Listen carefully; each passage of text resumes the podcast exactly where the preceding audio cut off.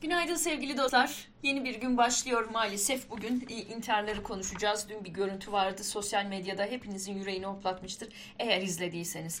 İzlemediyseniz de ben videoyu izletmeyeceğim. Baştan söyleyeyim. O videoyu izletemem. Ama bir gerçek var, bir realite var. Karşımızda insanlar ölümü tercih ediyor. İnsanlar ölümü seçiyor. Bu çok üzücü, bu çok ağır. E, bu e, ümitsizlik e, hali e, hiç doğru gelmiyor bana. Mücadele azmini önceleyecek, bunu vurgulayacak e, bir yayın yine planladım. Sizlere sizlere e, onu anlatmaya çalışacağım bugün ağırlıklı olarak sevgili dostlar. E, ana başlığa o yüzden intiharları e, şöyle aldım. İktidar medyası bile e, görmezden gelemiyor. E, intiharları önleyecek acil eylem çağrısı yapmış Yeni Şafak yazarı bugün. Ondan bahsedeceğim size ve e, ana başlık çerçevesinde de yayın planlaması içerisinde de bu ülkenin ne kadar kötü yönetildiğini yine konuşacağız. Her zaman olduğu gibi sevgili dostlar neden her zaman olduğu gibi? Çünkü kötü yönetiliyor. Açık, net. Bu ülke kötü yönetiliyor. Bugün ne konuşuyoruz? Bugün temel ihtiyaçlarımızı kim belirliyor acaba diye konuşuyoruz. O kadar absürt boyutları var ki konunun bu tartışmanın. O kadar absürt ki bu ülkenin yönetilemediğini bir senedir koronavirüs önlemleri almayı beceremeyen bir iktidar tarafından yönetildiğimiz gerçeğiyle zaten her gün yaşıyoruz. Her gün yaşıyor. Beşinci gün ölmüş hala genelgelerle düzeltmeler geliyor. Pazar yerleri açık olacakmış. Çünkü niye olmadı? Olmadı beceremedik çünkü. Neden? Yani bütün bunları e, anlatmak isteyeceğim size. Yaşadığımız gerçekler aslında hiçbiri sürpriz değil. Erdoğan artık kitlesini ikna edemiyor. Yeni bir araştırma, yöneylem araştırmanın e, sonuçları ortaya çıktı. Cumhuriyet gazetesi konuyu manşete taşımış.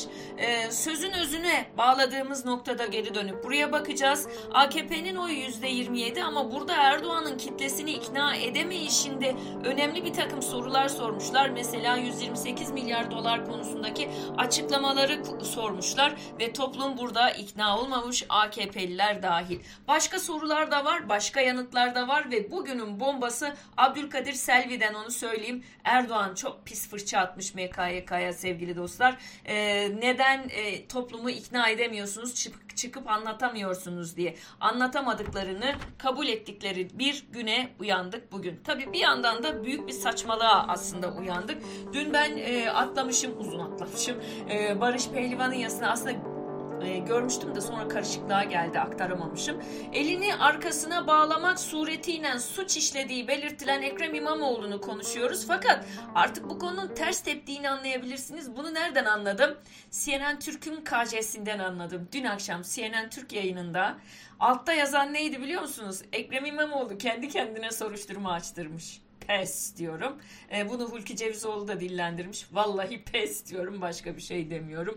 Dünkü o tartışma Hulki Cevizoğlu nasıl TT oldu diye bakarsanız oradan çıkıyor. E, ben size anlatacağım zaten az sabır diliyorum sadece. Sedat Peker'i bugün ben gündemime aldım. Çok şaşırdım. Hiç kimse gündemini almamış. Allah Allah dedim. Yazılı medyada Sedat Peker'in açıklamaları bugün üçüncü gün hala yıkılmıyor ortalık. Nasıl yani? Adam öyle şeyler söylüyor ki bir de üstelik oraya mafya mesajı koymuş, kitabı koymuş koymuş suskunluk kitabını konuşurum ha diye tehdit ediyor. Kimi tehdit ediyor bu konuşulmuyor. Fakat şu da konuşulmuyor sevgili dostlarım. Benim mafyam Alaaddin Çakıcı'yı kastediyorum. Senin mafyanı döver dönemi ve mafyavari yönetim bu e, tam da biraz önce konuştuğunuz Ekrem İmamoğlu'na elini arkadan bağlamak suretiyle saygısızlık etti soruşturması kadar.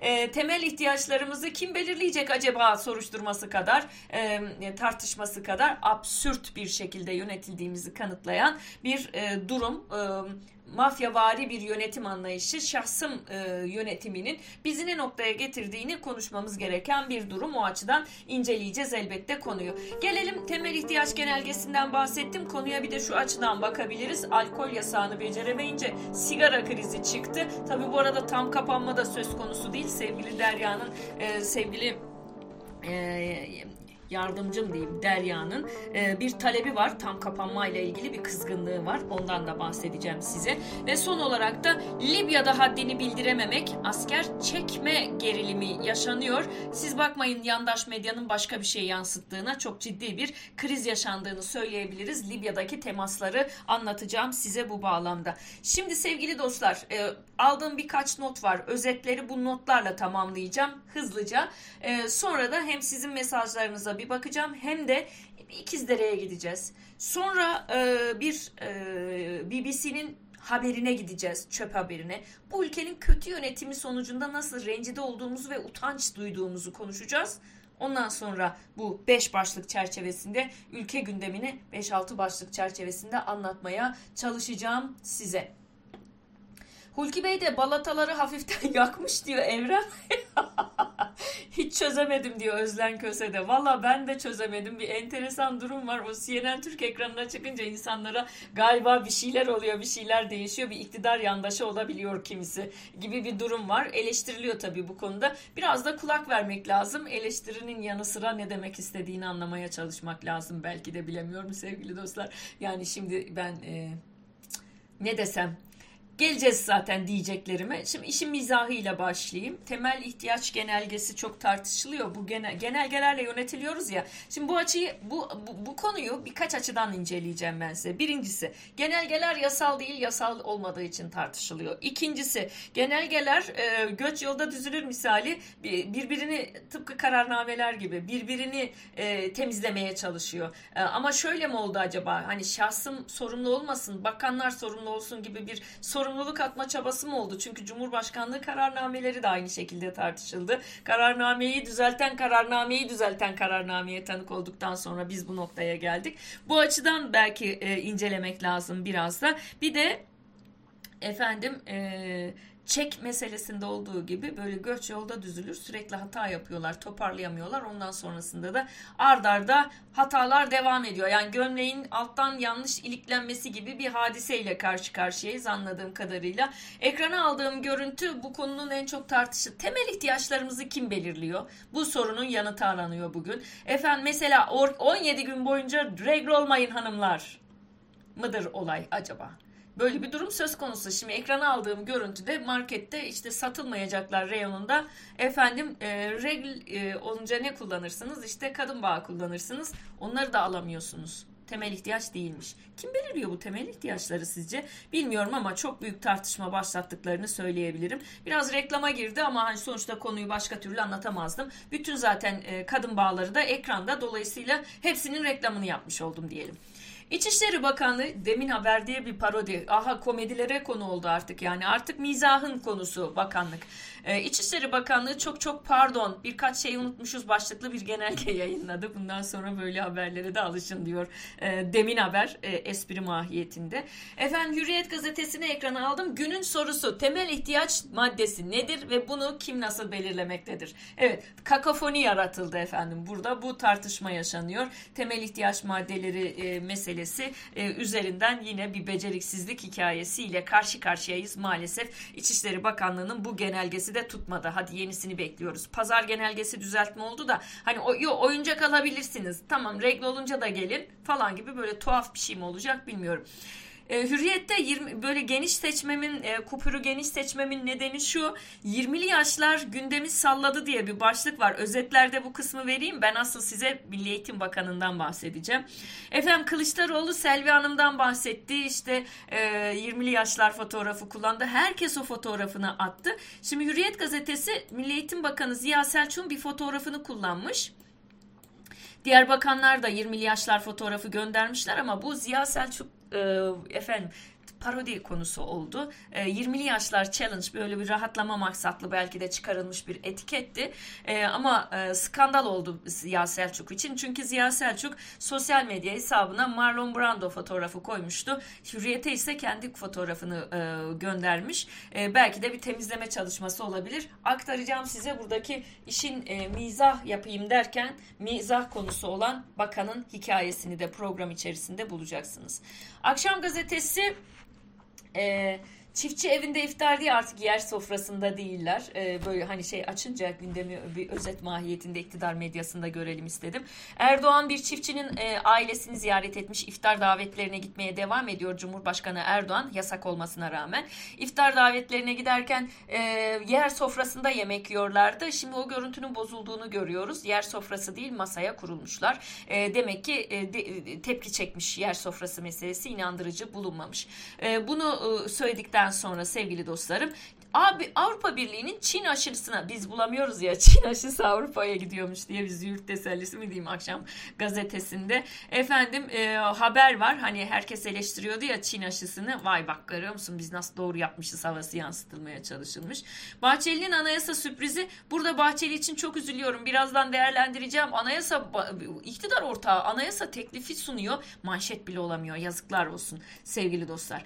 Evet günün gündemi ise dün olduğu gibi bugün de çiftçi çiftçiler, üreticiler isyanda, ürünler çöp oldu. Dün ben de size videolar yansıtmıştım. Dün gün boyu bu konu tartışıldı. Mesela Ali Ekber Yıldırım şu anda üretmek serbest ama satış yapılamıyor. Bu çok saçma bir şey. Bu konuyu gündeme getirmelerinin ardından pazarcıların e, efendim e, pazarlara gitmesi söz konusu olacak artık. Orada da bir garabet var. Onu da söyleyeyim. Pazarcı esnafı hani bugün bu mahalleye gelir, yarın öbür mahalleye gider idi. Şimdi bu durumda hangi mahalleye gidecek? Tercih nereden yapacak? Bizi seç, bizi seç diye. Na, nedir bu ya? Öf, saçmalık. Serbest bırakıyorsunuz bari her gün serbest bırak. Gün sınırlaması yapma. Hangi gün nereye gideceğini nereden bulacak bu insanlar yani? Sonuçta değil mi? Bir te- ya şaka gibi yönetiliyoruz. Hakikaten şaka gibi. Neresinden tutsan boş. Sözcü gazetesi bugün şaka gibi demiş. Bir, İstanbul Büyükşehir Belediye Başkanı Ekrem İmamoğlu hakkında Fatih Türbesi'nin dışında ellerini arkadan bağladığı için inceleme başlatılmasını yansıtıyor. Hukuksuzluğun geldiği son noktada şaka gibi bir, şaka gibi ikiye bakalım. Marketlerde ampul, tarak, bardak, kalem, kitap, kırtasiye, nalburiye, gözlük, deodorant, kibrit, saksı, oyuncak satışına yasak getirildi. Ha bir düzeltme var. Nasıl oldu o düzeltme? Mesela artık fide falan alabiliyoruz.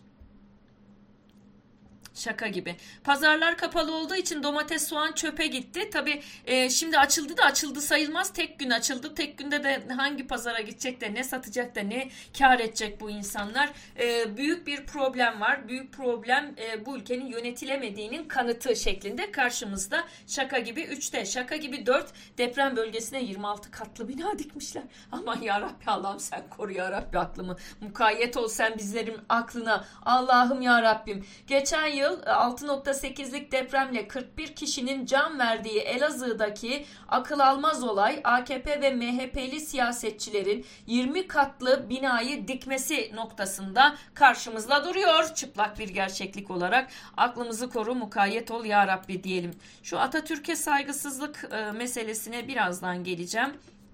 Önce e, dün yine bir AKP'li imtiyaz e, imtiyazlı AKP'li meselesi karşımızdaydı sevgili dostlarım.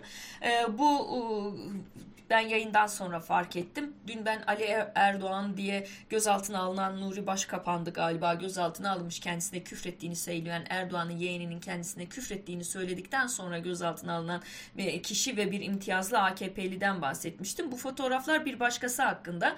E, yolların ayrıcı, ayrıcalıklıları imtiyazlı zümre diyoruz ya yolların ayrıcalıklıları var böyle almışlar imtiyazı muafiyeti tırıl tırıl geziyorlar ortalıkta. Hani böyle bir e, şey denir ya tırıl tırıl gezdim e, denir böyle fıldır fıldır gezdim denir ya onun tırıl tırıl gezmesi şeklinde AK Partili başkanın kardeşine yasak kural işlemedi. Kimmiş bu başkan? Karayolları trafiğinde yasağa rağmen çakar e, lambalı araç kullanımı sürüyor. Üstelik çakarlı hem de muafiyetli sevgili dostlarım. AK Partili Yıldırım Belediyesi Başkanı Oktay Yılmaz'ın hem de kendisi değil kardeşi çakarlı geziyormuş. Polisler de geç geç yapıyorlar. Böyle gayet rahat imtiyazlı zümrenin iş yaptığını görüyoruz. Eleştirecek sadece AKP'yi bulmadım bugün. CHP de çok ciddi bir tartışma yaratarak, yaratmak suretiyle e, sevgili dostlar bir su bulandırma meselesi var burada. Dersim e, olaylarına ilişkin bir tweet atmış Orhan Sarıbal, e, Bursa milletvekili. Kendisi Tunceli kökenli diyebiliyorum zaten. E, katliam ifadesini kullanmış. CHP'nin kurucusu Mustafa Kemal Atatürk'ü ve dönemin başbakanı İsmet İnönü'yü cinayetle suçladı diyor. Bu haber iktidar medyasında artık e, yer bulan ve iktidar medyasında herhalde indirilmeyecek e, bir e, başlık olmuş. Orhan Sarıbal bir malzeme hani diyorum ya malzeme vermese muhalefet vallahi kendiliğinden iktidar gidiyor ama sürekli malzeme veriyorlar diyenler var. Onu haklı çıkaran bir şey olmuş. Böyle tabii tarihle yüzleşmeye itiraz edecek değilim. Tarihle yüzleşilmesi e, Dersim'de yaşananların e, Dersim bir bölgenin adıdır. Dersim'de yaşananların Osmanlı'dan devralınan sorunların e, yumağı olarak son noktada geldiği e, durumun e, çok acılar yarattığı aşikardır sevgili dostlar. Büyük acılar yarattığı, çocukların yetim kaldığı. Bu ülkenin tarihinde bence de tartışılması gereken ve artık özür mü dilenir, şefkatle sarılması gereken, acıların üzerinden siyaset yapılmayıp şefkatle sarılıp e, üzerinde artık tartışma yaşanmaması gereken bir konu olmasına rağmen siyasete böyle pıtır pıtır bir şeyler atılarak olmaz bu iş. Konsensusla olur. O yüzden şu ortamda doğru bulmadığım bir e, mesele olduğunu ifade edeyim. Biz gelelim yine günün sorularına. Günün soruları arasında en önemli sorulardan birisi. Programa biraz önce söyledim. Cumhuriyet Gazetesi'nin e, yöneylem araştırmada da e, e, manşet yaptığı İpek Özbey söyleşisi e, sorular var. Mesela 128 milyar dolar nerede konusunda e, halk ikna olmamış, AKP seçmeni de ikna olmamış. Hatta Erdoğan kızıyor niye ikna edemediniz diye Abdülkadir Selvi. Oraya bakacağız da sadece soru 128 milyar dolar da değil programın içerisinde o dilimde e, köşedeki gündemden sonra işi toparlayan bu e, anketlere tekrar döneceğim. Ama temel sorulardan biri daha var. 128 milyar dolar neredenin dışında? 159 ton altın nerede? CHP İstanbul Milletvekili Sezgin Tanrıkulu Hazine Maliye e, Bakanı Lütfi Elvan'a yönelttiği soru önergesinde Türkiye Cumhuriyeti Merkez Bankası'ndaki altın rezervinin toplam tutarının 879.2 ton olarak raporlandığını belirtti. Nerede bu altınlar e, diyor e, e, sevgili dostlar Sezgin Tanrıkulu gündeme taşıyor. Altın rezervlerinin de tükenmesi konusunu gündemde tutmak gerekiyor. E, şimdi e, bu, arada biraz önce anketten bahsettim. Tekrar oraya e, döneceğim. Özer Sencar'ın e, gündeme getirdiği bu son ankete döneceğim sevgili dostlar. Bir üzüldüğüm nokta var demiştim ya hani. Bu, üzüldüğüm nokta ekranda şu anda. İktidar ortağı bir anayasa çalışması yapıyor ve manşet olmuyor. Ne kadar yazık değil mi? Allah'ın lütfuyla anayasa Cumhuriyet Gazetesi'nde MHP yeni taslak hazırladı ee, ve AKP'de muhalefet de taslağa sıcak bakmadı. Olumsuz mesajlar var. AKP MHP'yi üzmedi ama sıcak da bakmadı. Manşete taşımadığından anlıyoruz zaten konunun. Ee, cum, bu Cumhuriyet Gazetesi'ndeki yaklaşımdı. Şimdi e, bir de e, Pencere Gazetesi'nin e, yaklaşımına bakmak istiyorum sevgili dostlar. AYM yüksek mahkeme statüsünden çıkarılsın. MHP'nin 100 maddelik yeni anayasa önerisinden AYM'yi tırpanlama çıktı ya. Bu konuda e, bir tepki özellikle hukukçulardan geldi. AK Parti teklifi memnuniyetle karşılıyoruz demiş ama o memnuniyeti fiili olarak da göstermiyor. Sevgili dostlar onu belirtelim. Gri pasaport meselesi e, genelgelerle yönetiliyoruz ya gibi genelge de orada çıkmış. E, gri pasaportla gidilmesi konusunda e, kendilerine bildirilmesini Çevre Şehircilik Bakanlığı mecbur kılmış. Ee, Özer Sencer'e döndüğümde milliyetçi muhafazakar kitlenin e, hassasiyetlerini dindar ve milliyetçi seçmenin tavrı ilginç değil mi diye sorarak Doğu Türkistan konusunda e, ki e, politikaların sessizliğin etkisi ölçülmüş. AK Parti ve MHP'nin tavrı burada çok enteresan. Soru şu Çin'in Doğu Türkistan'da Uygur Türklerine yönelik politikasına hükümetin gerekli tepkiyi gösterdiğini düşünüyor musunuz? Düşünmüyorum diyenler tabii ki fazla. Bu düşün düşünmüyorum e, diyenlerin içerisinde AK Parti'nin oranı %73, MHP'nin oranı da 42. Enteresan MHP'liler de bu konuyu umursamamışlar. Korona ile ilgili enteresan bir haber aktarayım size. İletişim Başkanlığı'nın hazırladığı bir film varmış. Sinema filmi Kayseri'de çekiliyormuş. E, 17 e, Taksim 7 e, Şafak Vakti 15 Taksim 7 Şafak Vakti diye 17 Temmuz'un filmi e, sevgili dostlar. Figüranların bir kısmı korona çıkmış. 800 kişi izdiham gibi bir aradaydık. Şu anda KYK yurdunda karantinadayız diye lebalep çekimde korona paniği e, yaşandığı ifade edilmiş. Dünyanın gündeminde kontrolden çıkan Çin'in uzay roketi dünyaya düşebilir diye bir haber var. Aman kafamızı koruyalım Çin'in roketi düşebilirmiş. Dünya bunu konuşuyor. Bir de e, ha, terzi fikri dursun sevgili dostlar. Bir de Bill Gates'in boşanmasını konuşuyor dünya. E, Microsoft'un kurucusu Amerikalı milyarder Bill Gates elişinden boşanmış. 146 milyar dolarlık bir boşanmaymış bu efendim. Acayip bir para gördüğünüz gibi. Devrimci Belediye Başkanı Tevzi, e, Fevzi e, Terzi Fikri dün anıldı. Ruhu şad olsun diyerek şöyle onun da e, ruhuna değsin diyerek bir hayır dualarımızı gönderelim efendim. Çok iyi insandı diyelim. Çok iyi bir yöneticiydi. Neler yaşandığını bu vesileyle hatırlamakta fayda var tabi. E, sosyal medya, internet ortamına yazdığınızda onunla ilgili kimi belgesel belgesellere ulaşabilirsiniz. Belki bugün onu e, yad etmek istersiniz. Karar Gazetesi'nden son bir dizi ekrana getirdim. E, Fatma ve İki Türkiye diye sevgili dostlar yazmışlar. Şimdi Netflix'te yeni bir dizi varmış. Konuşulan Fatma. Ben henüz izlemedim. Ama e, Fuat Keyman e, bahsedince dikkatimi çekti. Şöyle ki e, Bir Başkadır diye bir dizi vardı. Hatırladınız mı? Bir Başkadır'la ilgili e, diyor ki onun sayesinde diyor farklı öteki Türkiye'yi görmüştük diyor. Şimdi Fatma sayesinde içerisinde e, daha fazla e, bir ayrıntı görüyoruz. Daha bir çeşitlendiğini görüyoruz. Öteki Türkiye'nin diyor. Enteresan bir dizi. ilgimi e, Fuat Keyman da ilgilenince tabii ki ilgimi çekti sevgili dostlar. Tabii e, oyuncusuyla da e, bugünlerde tartışılan bir e, mesele. Özellikle e, hangi dizideydi o camdaki kızı oynayan o oyuncunun biricik e, Biricik Sude'ydi değil mi? Onun e, oynadığı bir e, dizi olarak karşımızda Fatma. Evet. Ee, sevgili dostlar böylece özetleri tamamlamış oldum. Ee, bir, yine biraz uzatmışım gibi görünüyor ama e, sizlere veda edeceğim Instagram dostları. YouTube'da devam ediyorum. İki ard arda video getirmeyi düşünüyorum ekrana. Birincisi ikizlereden. Önce bir ikizlereye bakalım. Sonra BBC'nin çöp haberi yıkılıyor ortalık. Türkiye'yi nasıl e, çöpe çevirdiği, bu iktidarın ülkeyi yönetememenin haricinde nasıl büyük tahribat yarattığını görmek açısından önemli ve bizden alamıyoruz. Bilgileri Almanya'dan falan geliyor, yurt dışından nereden geliyor bilgiler. O açıdan önemli. İki videoyu aktardıktan sonra günün beş başlığına döneceğim ve köşedeki gündemde de e, Yeni Şafak yazarının intiharlarla ilgili uyarısını aktaracağım sevgili dostlar. E, acil eylem çağrısı var Yeni Şafak'tan onu konuşacağız. Sonrasında da bu iktidarın bu büyük tahribatıyla nasıl eridiğini, ülkeyi de erittiğini konuşacağız bu yayında. Şimdi öncelikle İkizdere'ye gideceğiz. Bu büyük tahribatı, bu hoyratlığı, e, sonra e, bizi de rencide, herkesi hepsi Türkiye'de rencide eden hani diyorlar ya dünya bizi kıskan ne kıskanması seni çöpe çevirmişim bu ülkeyi e, diyen ve tekrar utanç e, verici bulduğum onun da altını çizeyim görüntüleri göreceğiz ve bundan bahsedeceğiz. Ondan sonra beş başlığa döneceğiz diyorum. Arkadaşlar Instagram dostları sizlere veda ediyorum. YouTube'a geliniz. YouTube'da yayınımız devam etmekte.